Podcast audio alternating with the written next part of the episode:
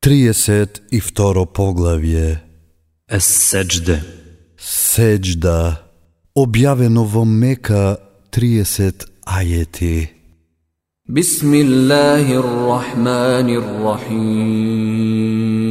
Во името на Аллах се милосниот, милостивиот.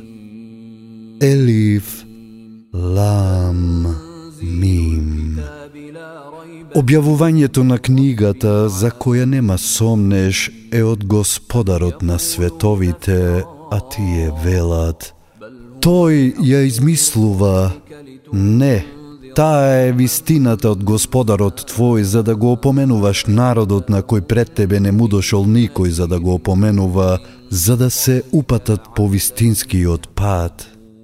Аллах небесата и земјата и тоа што е помеѓу нив во шест временски периоди ги создаде, а потоа над аршот се возвиши.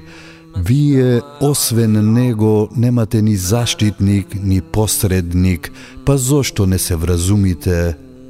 Тој управува со се од небото до земјата, а потоа сето тоа нему му се враќа во денот кој, според вашето сметање на времето, трае илјада години.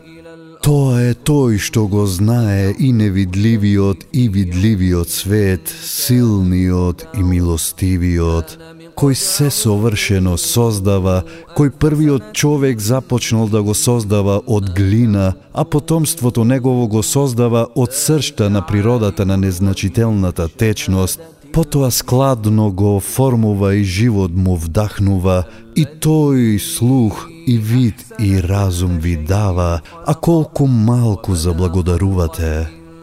Тие велат, зарем кога ќе исчезнеме подземја, повторно создадени ќе бидеме. Тие во средбата со својот господар не веруваат. Кажи, мелекот на смртта, кој за тоа ви е одреден, душите ке ви ги земе, а потоа кај господарот свој ке се вратите. Да можеш да ги видиш злосторниците како со наведнати глави пред господарот свој ке речат Господару наш, видовме и чувме, па поврати не добри дела да правиме, ние на вистина цврсто веруваме. А кога би сакале, секој човек на вистинскиот пат би го упатиле, но јас веќе ја кажав вистината, ке го наполнам на вистина джехеннемот со джинни и луѓе заедно. Па искусете затоа што заборавивте дека овој ден ке го доживеете, и ние ке ве заборавиме, и вечно страдање искусете поради тоа што го правевте.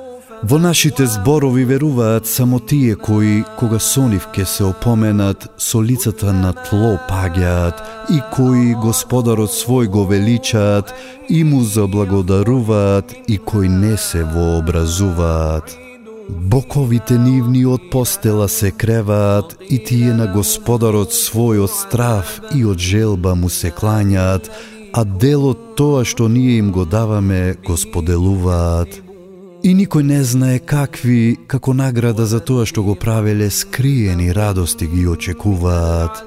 Зарем на верникот да му биде исто како на непослушниот? Не, тие не се еднакви.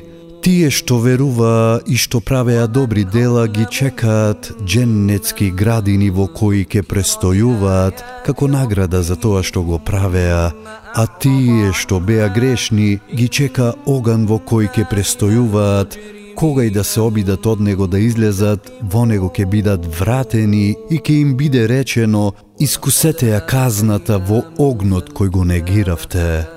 И ние ќе сториме да искусат помала казна пред големата казна за да се повратат. А има ли поголем злосторник од тој што е опоменат со знаците на својот господар, а потоа им врти грб? Ние на вистина ке ги казниме злосторниците. Ние на Муса книга му дадовме, ни малку не се сомневај во средбата со него, и упадство на синовите Израилови ја направивме. Помеѓу нив ние водачи одредувавме и тие, одзивајки се на нашата заповед, на вистинскиот пат упатува, бидејќи стрпливи беа и во доказите наши цврсто верува. Господарот твој на судниот ден меѓу ке пресуди за тоа за што не се согласува. Зарем на овие не им е јасно колку народи пред нив сме уништиле, по чии што населби тие одат. Тоа се на вистина докази, па зошто не сакаат да слушнаат? Како тие не гледаат дека ние го гониме дождот во пустата земја и правиме со негова помош да никнуваат растенија со кои се храни нивниот добиток, а и тие самите, зарем не гледаат и велат, кога веќе еднаш ке дојде таа победа ако вистината ја зборувате?